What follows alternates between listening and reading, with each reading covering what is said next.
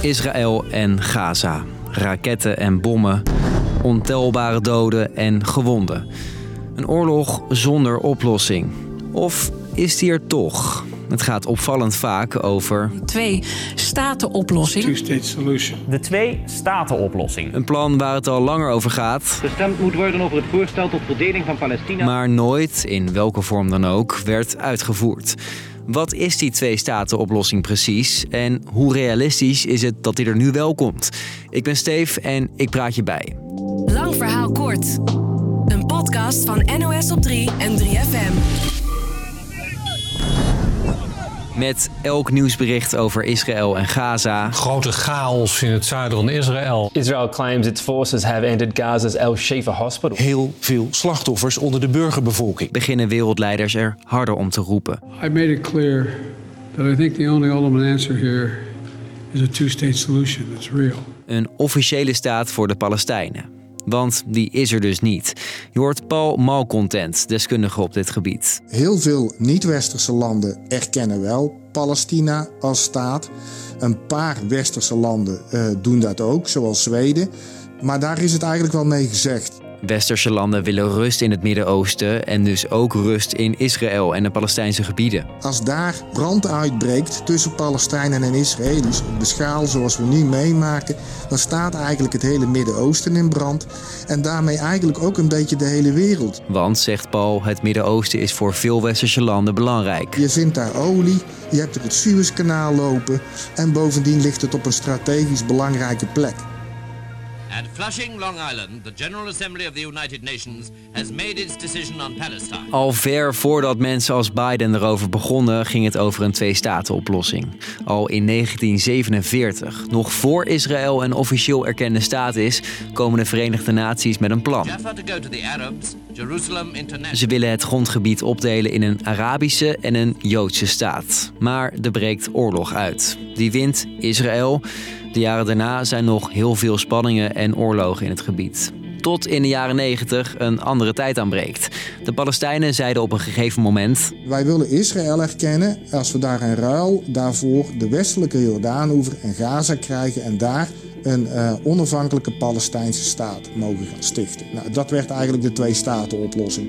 At that time, there was a lot of hope that maybe this is a compromise that people can live with. We dachten dat dit wel eens zou kunnen werken, zegt deze oud-onderhandelaar namens de Palestijnen. We say to you today, En ook de Israëlische president toen klonk hoopvol. enough of blood and tears. Enough!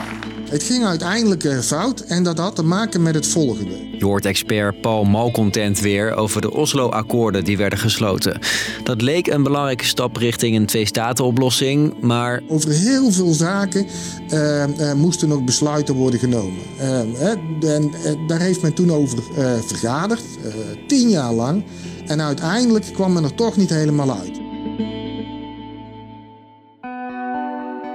en nu staan we dus hier. Israel will fight until this battle is won. De Israëlische president Netanyahu lijkt met geen mogelijkheid om tafel te willen met de Palestijnen.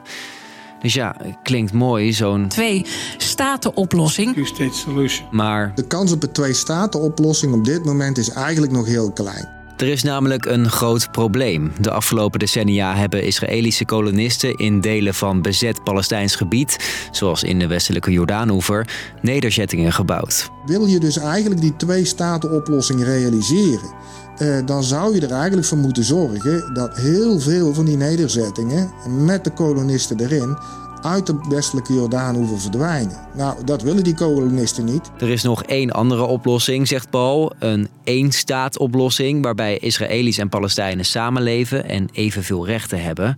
Maar daar zal Israël niet zo snel mee akkoord gaan. De Palestijnse bevolking groeit sneller dan de Israëlische bevolking. En bij zo'n één-staat-oplossing zullen Palestijnse vluchtelingen terug willen keren. En dan betekent dat de Israëlisch-Joodse bevolking in minderheid gaat worden ten opzichte van de Palestijns-Arabische bevolking. En daar zal geen enkele Israëlische regering eh, akkoord mee gaan. Dus, lang verhaal kort.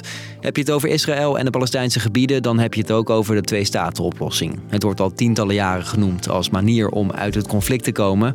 En ook nu weer. Hoewel het de oplossing lijkt met de meeste kans op slagen, het zal alles behalve makkelijk gaan. Was hem voor vandaag. Thanks voor het luisteren. 3FM. Podcast.